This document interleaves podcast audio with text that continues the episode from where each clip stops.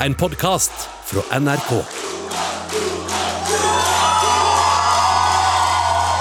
Kjære alle sammen. Vi har ventet, vi har håpet og jobbet så hardt. Og nå kan vi endelig si vi klarte det. Nå er det klart. Jonas Gahr Støre blir landets nye statsminister. Jeg vil gjerne få lov til det og gratulere Jonas Gahr Støre med det som nå ser ut som et klart flertall for å skifte regjering. Men at akkurat han skulle bli det, det var ikke helt gitt. Historien om eh, Jonas Gahr Støre er en skikkelig fascinerende historie. Hans vei til toppen av dette kongeriket, det tror jeg skiller seg ut fra alle andre statsministre før han. Hvordan er det han skiller seg ut fra sine forgjengere? Og hvem er denne mannen egentlig?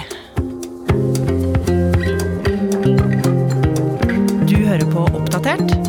Jeg heter Ragna Nordenborg. Jonas ble født i eh, 1960 på beste Oslo vestkant. Han eh, hadde en mor som het Unni. Hun var bibliotekar. Faren var eh, Ulf. Eh, Han eh, var skipsmegler. Og, og han hadde to eldre søsken. Og de vokste opp igjen. Ikke en overdådig, men en fin villa eh, på Ris på da Oslo vest. Erik Aasheim er forfatter av boka Jonas. Fra hagen der så kunne du liksom gå rett ut i marka. Eh, og dermed så vokste jo Jonas opp med ganske faste rammer om at eh, for søndager så går vi på skitur hele familien. Eh, lange skiturer i marka. Og, så var det hjem med, til søndagsmiddag. Eh, og da var det en tradisjon med mye diskusjoner rundt bordet. Moren var eh, med i bydelsutvalget der oppe eh, på vegne av Høyre. Eh, Farfaren, eh, Jonas Henry Støre, han var eh, også sønn av en Høyre-ordfører, så det er ganske tung sånn Høyre-bakgrunn her. Eh, Og morfaren var jo den som bygde opp eh, velkjente Jøtul, eh, som altså kjent for eh, peis og varmeovner. Så det var en eh, dannet familie som eh, holdt til på Ris. Og noen av disse millionene fra Jøtul-imperiet skulle altså Jonas en dag arve. Da Jonas begynte på Berg eh, videregående eh, skole, som også var en vestkantskole, så ble han først best venner med, med de radikale feministene. Men Jonas ble jo fort engasjert. da? Han ville mer enn å bare være venner med radikale feminister, så han bestemte seg også for å stille til valg til elevrådet. eh, Og da var hans store kampsak det var nei til nynorsk. Og eh, han ble altså valgt inn eh, pga. den kampsaken. Og da han ble gammel nok til å stemme ved valget, forteller Erik, så stemte Jonas Gahr Støre på Høyre. Men han måtte jo også finne ut hva han skulle bli når han ble stor. Etter videregående dro han til Marinen og befalsskolen, før han bestemte seg for å reise ut av Norge. Han ville til den franske toppskolen Sciences Po. Dette er en skole som har fostret franske statsledere, diplomater og businesstopper.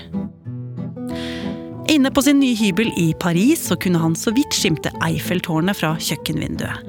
Han satt bøyd over bøker om internasjonal politikk og statsvitenskap, og forberedte vanskelige oppgaver. Alt på fransk. Men en dag skulle det skje noe som skulle rykke ham opp fra bøkene. En dag så var det en av Jonas sine norske kompiser i Paris som da plutselig spurte Jonas eh, er du ledig i kveld. Eh, Kan ikke du være med og treffe en gjeng med, med, med franske samfunnsengasjerte mennesker? Det er noe Jonas ikke kan si nei til, så han ble med på det. Der var det en gjeng med, med, folk i alle aldre. Han ble presentert for eh, noe som het eh, Komiteen for de 15. Og eh, etter hvert så skjønte han at dette var et politisk hemmelig nettverk i Frankrike. Dette var jo på midten av 80-tallet, og det var kald krig i verden. Og Europa var delt mellom øst og vest. Streitilsva kommunismen.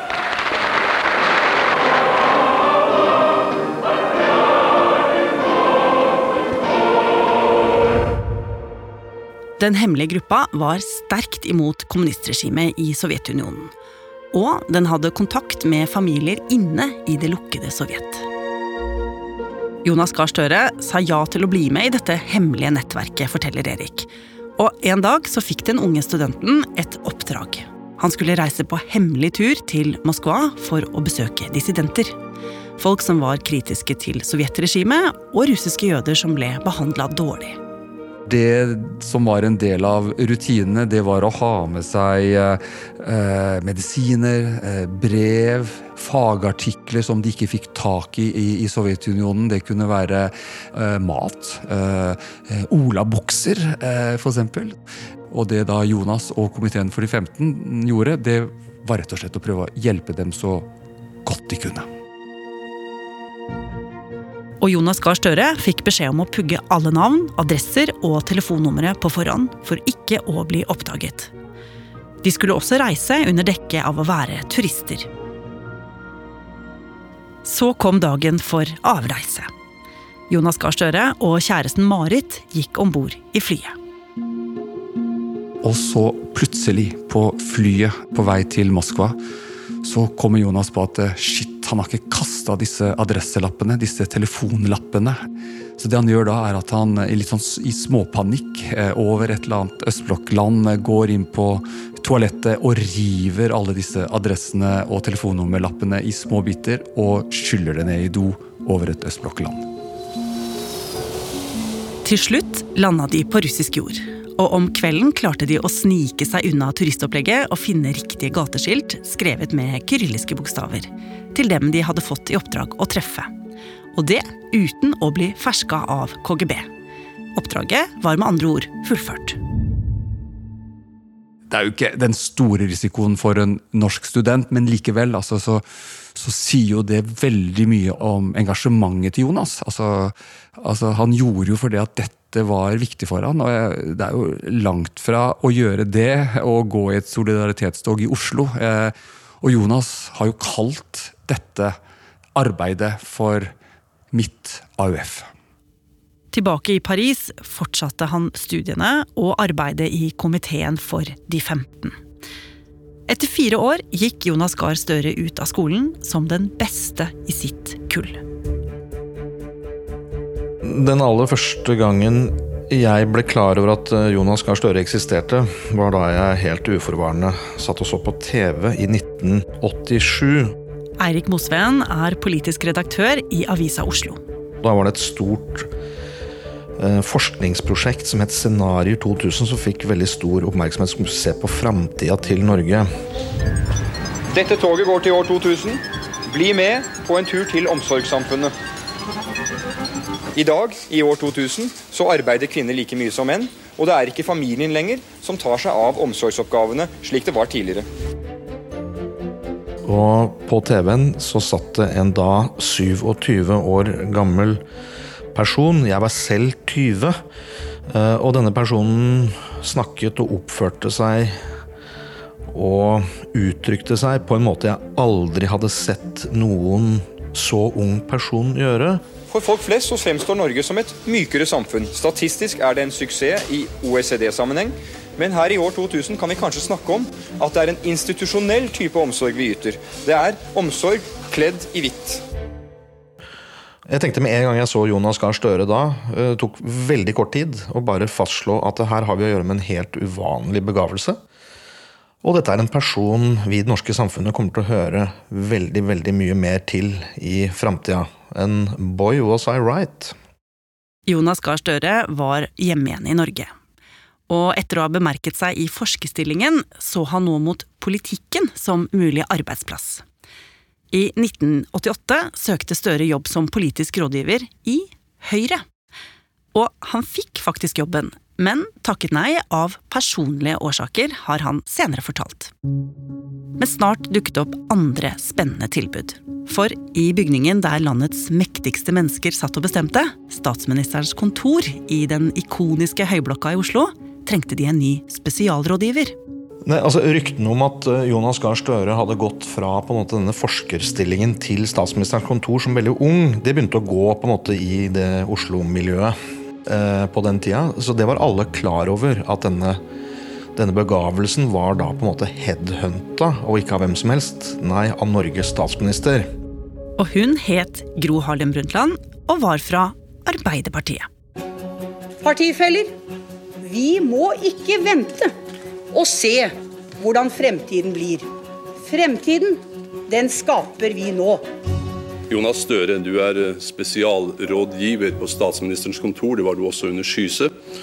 Hva er egentlig EØS? Ja, EØS det er en forkortelse for Det europeiske økonomiske samarbeidsområdet. Det ble klart ganske raskt at han hadde stor kapasitet, både stor arbeidskapasitet og stor intellektuell kapasitet, og at han hadde egenskaper som passer veldig godt i et sånt miljø. Hege Ulstein er forfatter og politisk kommentator i Dagsavisen. Han har diplomatiske evner, kan sette seg inn i store, komplekse saker. Støre fikk bl.a. i oppdrag å fly til Brussel for å delta på Norges forhandlinger med EU og EØS. Og rapportene var at han klarte seg utmerket blant de fransktalende EU-toppene. Men ting skjedde også hjemme. På denne tiden var Jonas Gahr Støre embetsmann på statsministerens kontor, altså ikke politiker øh, i det hele tatt. Men han begynte nok da å tenke på at han var sosialdemokrat og ønsket å nærme seg Arbeiderpartiet. Og blant annet så hadde han, øh, vet jeg, fordi at jeg har skrevet en bok om Martin Kolberg, samtaler med Martin Kolberg, som da var stabssjef på statsministerens kontor, om dette. Og betrodde seg nærmest til han om at han søkte seg til Arbeiderpartiet, som jo sikkert var en reise for han. ikke sant? Altså Han stemte angivelig Høyre da han var ungdom. Han kom jo fra en bakgrunn som sto veldig langt fra en sånn klassisk arbeiderbevegelsebakgrunn. Og så endte han jo med å ta det valget, da. At han meldte seg inn i Arbeiderpartiet. Jonas Gahr Støre hadde altså rukket å bli ordentlig voksen i midten av 30-åra før han meldte seg inn i Arbeiderpartiet. Men han søkte ikke noen politiske verv i tiden etter. I stedet flytta han ut av Norge for å hjelpe Gro Harlem Brundtland i hennes nye toppjobb som sjef i Verdens helseorganisasjon i Sveits. I 2000 så skjer det noe som er viktig i Jonas Gahr Støres karriere. Kyrre Nakkim er redaksjonssjef for politisk avdeling i NRK. Og året 2000 var det året Jens Stoltenberg for første gang tok over regjeringsmakta i Norge. Jens Stoltenberg er opptatt av å trekke linjene tilbake til Gro Harlem Brundtland-tida. Så da tar han med en av Gro Harlem Brundtlands nærmeste medarbeidere og plasserer han på den viktigste posten av de mer ukjente postene i en regjering. Det er å være stabssjef på statsministerens kontor. De setter i gang et formidabelt moderniseringsarbeid. Og det er at man gjør en høyredreining av Arbeiderpartiet. Og det betyr at man bruker det som foraktelig er blitt kalt New Public Management. Man bruker markedsmekanismer, også sett fra Arbeiderpartiets side. Man selger unna statlige bedrifter og delprivatiserer disse. Det blir et spørsmål om hvor partiet trekker grensene for markedskreftene. Får private kjøpe seg inn i Statoil, kan alt privatiseres. Det er frykten i store deler av fagbevegelsen. Nå åpner Arbeiderpartiet for en privat eierandel på 33% For det første er det viktig at Statoil får en klar beskjed, og det prøver vi å gi dem gjennom det vedtaket i dag. Alt dette gjør denne regjeringen, hvor Jens Stoltenberg lener seg på Jonas Gahr Støre som en av de som virkelig trekker i trådene og gjennomfører dette. Men velgerne likte det ikke. I 2001 så går Arbeiderpartiet på et reelt braknederlag. Uh, Jens Stoltenberg bruker da tid til å bygge sin posisjon i Arbeiderpartiet igjen, mens Jonas Gahr Støre uh, forsvinner ut. Han har jo ikke noe valgte verv. Og han gjør som veldig mange andre av Stoltenbergs alliansepartnere. Han går inn i dette halvoffentlige, hvor man jobber litt med utredninger gjennom Ekon, og senere også da i Røde Kors. Men selv om Jonas Gahr Støre forsvant ut av politikken, så skulle han etter bare få år få en ny sentral rolle i det norske samfunnet. Og denne gangen som politiker. Da Arbeiderpartiet vant valget i 2005, så fikk Støre den gjeve posisjonen som utenriksminister. Jonas Gahr Støre han kommer rett fra Røde Kors, med liten partipolitisk erfaring, men han har vært rådgiver og statssekretær for både Gro Harlem Brundtland og Jens Stoltenberg. Eh, Der og da så, så ble noen overrasket. Og så viste det seg at Støre var et funn som utenriksminister for Stoltenberg. Han sjarmerte Norge. Han eh, klarte å være en statsmann, en som snakket flere språk flytende, som gled godt inn i disse internasjonale foraene, som eh, lett ble på fornavn med de store politikerne i verden. Eh, Og da begynte man å prate om Super-Jonas. Ja, det er i hvert fall, vi håper det er starten på noe som kan bli stort og viktig. Møtet mellom utenriksminister Jonas Gahr Støre og Condoleezza Rice varte mye lenger enn planlagt. Det var et historisk øyeblikk i Murmansk i dag, da delelinjeavtalen mellom Norge og Russland ble undertegnet. Da kan vi begynne å utforske disse områdene som vi har holdt oss unna å utforske på begge sider av grensen de siste 40 årene. Noen kritiserte han for å være for opptatt av dialog. Men han var fremdeles veldig populær på meningsmålingene. Folk i Arbeiderpartiet begynte etter hvert å se på Støre som en mulig arvtaker til partileder Jens Stoltenberg. Og Støre ble flytta til rollen som helseminister for å få mer innenrikspolitisk erfaring. Men var han den rette til å ta over etter Stoltenberg? Det var nok litt tvil om han var rette person. Ikke stor tvil. Men det ble jo diskutert dette med bakgrunnen til Jonas Gahr Støre. Han var akademiker fra Oslo vest. Det er ikke så vanskelig. Det var Jens Stoltenberg, det var Gro Harlem Brundtland. Men i tillegg til det så hadde han heller ingen familiebakgrunn eller ungdomsbakgrunn i Arbeiderpartiet eller i AUF, eller sånn som for Gro, da, i framfylkingen. Og der hadde han en mye løsere tilknytning til arbeiderbevegelsen enn noen Ap-leder noen gang har hatt. Det var nok en tvil like mye inni hodet til Jonas Gahr Støre som hos de rundt han, men de endte opp med, og han selv også endte opp med å konkludere med at det var riktig å si ja. Kledd i blå dress og rødt slips gikk Støre opp på scenen i Folkets hus 14.6.2014 til stående applaus. Kjære alle sammen, dere skal vite hvordan dette varmer meg. Og jeg kjenner allerede nå hvordan det forplikter. Super-Jonas sin største dag, skrev VG. Jeg er klar til å lede et parti med en bærende idé. At fellesskap gir mennesker tilhørighet og frihet. Et parti som vil et mangfoldig samfunn, der folk er forskjellige ut fra hva vi mener og tror på, hvem vi er, og ikke fra rikdom og privilegier. Men det var noe litt uvanlig med det hele, sier Eirik Mosveen. Han får altså makten i Arbeiderpartiet servert på et sølvfat. Det er i seg selv helt oppsiktsvekkende i Arbeiderpartiets historie. Det har vel ikke skjedd før. Alle ledere i Arbeiderpartiet har vært nødt til å slåss og kjempe, og ikke minst nedkjempe andre for å få makten. På den måten har de også da fått en del soldater rundt seg som blir med dem videre. Eh, Jonas Gahr Støre måtte ikke gjøre noen av disse tingene. Han fikk det på et sølvfat. Men han mangla også da de soldatene som hadde kjempa krigen sammen med han. Og det tror jeg har vært et problem for han ever since. For det å lede et stort politisk parti, og kanskje spesielt Arbeiderpartiet, det er en helt spesiell jobb. Med politisk spill og maktkamper som lederen må ha oversikt over. Og Sammen med sine nye nestledere Hadia Tajik og Trond Giske så skulle Støre kjempe for å ta makta tilbake fra Erna Solberg og Siv Jensen. Men ting begynte å gå nedover. Internt eh, så funker det ikke så bra. Internt i ledelsen så er det stor grad av mistenksomhet. Det er elendige samarbeidsforhold. Eh, Jonas Gahr Støre klarer i liten grad å utvikle ny politikk. Våren 2017, bare noen måneder før valget, så har Dagbladet en oppsiktsvekkende sak. Her bygde Jonas Gahr Støre sammen med Stein Erik Hagen og noen andre av Norges rikeste inntil nylig.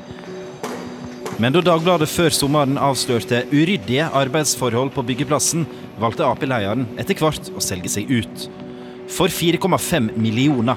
Tre ganger så mye som han gikk inn med.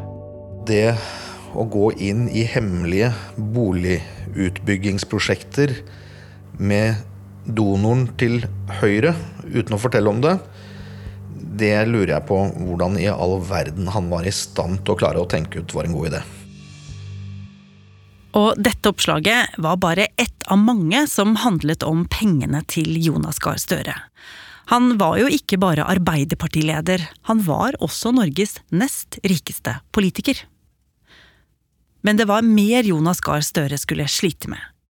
På dette tidspunktet så er det jo også flere av de politiske motstanderne til Arbeiderpartiet som har skapt et bilde av en tåkefyrste. Man hører uttrykk som Vingle-Jonas. Siv Jensen rister på hovedet og kaller Støre en tåkefyrste. Nå har jo Arbeiderpartiet vinglet litt i denne saken. De var mot kompetansekrav i 2012, og så var de for det da vi la det fram på Stortinget, og så vet vi ikke helt hva de kommer til å foreslå nå. Og da den store prøven kom, stortingsvalget høsten 2017, tapte Jonas Gahr Støre og Arbeiderpartiet for Høyre og Frp. Allerede i natt måtte han svare på spørsmål om sin egen rolle, men nektet å vurdere egen innsats. Jeg er valgt til å være leder i, i gode dager og i vanskelige dager. Nå er det vanskelige dager. I dagene etter eh, valgnederlaget så så Jonas Gahr Støre ut som han hadde spist opp en bøtte med råtten fisk. Han var knapt i stand til å gjøre rede for seg, og han var blek og åpenbart helt satt ut og sønderknust av dette nederlaget. Og det er det lett å forstå. Nå begynte avisene for alvor å skrive om maktkamper og dårlig stemning i Arbeiderpartiets stortingsgruppe. Men det skulle bare bli verre. Arbeiderpartiet er i hardt vær etter at flere kvinner har varslet partiledelsen om at nestleder Trond Giske har opptrådt upassende overfor yngre kvinner, noen av dem i partiet. Dette forholder Støre seg passiv til i denne perioden, til å begynne med. Dette er klart upassende oppførsel, er opplevet ubehagelig. Noen vil da kalle at det er seksuell trakassering, andre kan kalle det andre ting. Giske sier at han opplever at tillit, hans tillit er svekket, og at han har en stor jobb for å gjenopprette den. Det kan jeg bekrefte. Problemet til Jonas i den saken der, den var jo at han skjønte ikke i starten at han måtte være tøff. Han skjønte det etter hvert, men i begynnelsen så prøvde han å være diplomat, og det kan du ikke være i denne typen saker. Her er det noe som er riktig, og noe som er feil, og så må du stå på den siden du skal stå på. Men til slutt var det takk og farvel til Trond Giske. I går trakk Giske seg som nestleder i partiet. I dag gjorde Støre det klart at han også er ferdig som finanspolitisk talsperson. Oppførselen hans har ikke vært forenlig med våre verdier, sa Støre. Men hvis Jonas Gahr Støre trodde at problemene var over med Giske ut av nestlederkontoret, så var de ikke det, sier Kyrre Nakkim. Etter valgnederlaget og Giske-striden så kunne det virke som om eh, Jonas Gahr Støre var den svakeste Arbeiderpartilederen vi hadde sett på mange tiår. Og Arbeiderpartiet var på mange måter kunne virke uten en plan. Målingene var katastrofale. Veien fram til makt synes lang, og Senterpartiet hadde stjålet initiativet. Og merkelappen Super-Jonas var det ingen som snakka om lenger. Han får elendige meningsmålinger etter hvert, og det kommer mange steder krav om å skifte han ut. Til og med egne partifeller gikk ut i pressen og lurte på om kanskje noen andre burde ta over jobben til Støre. Nå måtte han gjøre noe. Nei, Jonas Gahr Støre bestemte jo seg for å demme opp for blødningene til Senterpartiet. Så han velger jo en slags, i vinter, en slags sånn Senterparti light-variant. Ut av det store intet så kom halvering av ferjepriser. Uten at det var utreda eller kostnadsberegna noe som helst. Så da skjønte jeg at de mener alvor med at de skal fri til distriktene og de som har blitt nye Senterparti-velgere der. Så gjorde Arbeiderpartiet også et vedtak med hans velsignelse om å bygge Nord-Norgebanen til Tromsø. Erna Solberg og co. hadde regjert i snart åtte år. Og mange velgere ga tegn til å være klare for et skifte. Og samtidig, litt etter litt, så stilna konfliktene innad i Arbeiderpartiet. Det ble en slags samling i bånn. Partiet har innsett at de har ingen annen leder enn Støre. Det er ingen utfordrer til Støre, og eh, derfor så har man flokket seg rundt ham. Han har til gjengjeld lagt politikken litt mer til venstre, litt mer sosialdemokratisk, og anerkjent at veien framover også innebærer samarbeid med SV og Senterpartiet, ikke noe høyredreining. Dette viser jo at han har eh, lært politikk som han ikke kunne før, blitt mindre embetsmann, mindre skal vi si, eh, forsker, og mer eh, en kynisk politiker. Og da valgresultatene begynte å tikke inn kvelden 13.9, så sto jubelen i taket på Folkets hus. De rød-grønne får til sammen 100 mandater mot de borgerliges 68. Arbeiderpartiet endte på 26,4 av stemmene. Og selv om det faktisk var en liten nedgang fra forrige valg, så virka Støre fornøyd. Det blir en regjering som fører en politikk for et mer rettferdig Norge med mindre forskjeller. En regjering som gjør arbeid til alle til jobb nummer én. For med hjelp fra Senterpartiet, som gjorde et brakvalg, og SV, så sikret Arbeiderpartiet og Jonas Gahr Støre seg et rød-grønt flertall. Og hvordan landet blir med ham på toppen, med tanke på klima, utdanning, helse, ja, det vil den neste tiden vise. Men hans første store oppgave, det er å finne ut hvordan den nye regjeringen hans faktisk skal se ut. Har du snakket med Trygve Slagsvold Vedum i dag? Ja, det har jeg. Og har du snakket med Audun Lysbakken? Jeg har vært i kontakt med Audun Lysbakken. Og hva med Rødt og MDG? De har jeg ikke snakket med, men er, vi er bare på kalender nå for å prate litt om hva og alle skal ta en rolig dag med sine partier og oppsummere, og så skal vi finne avslappet tid til å sette oss ned.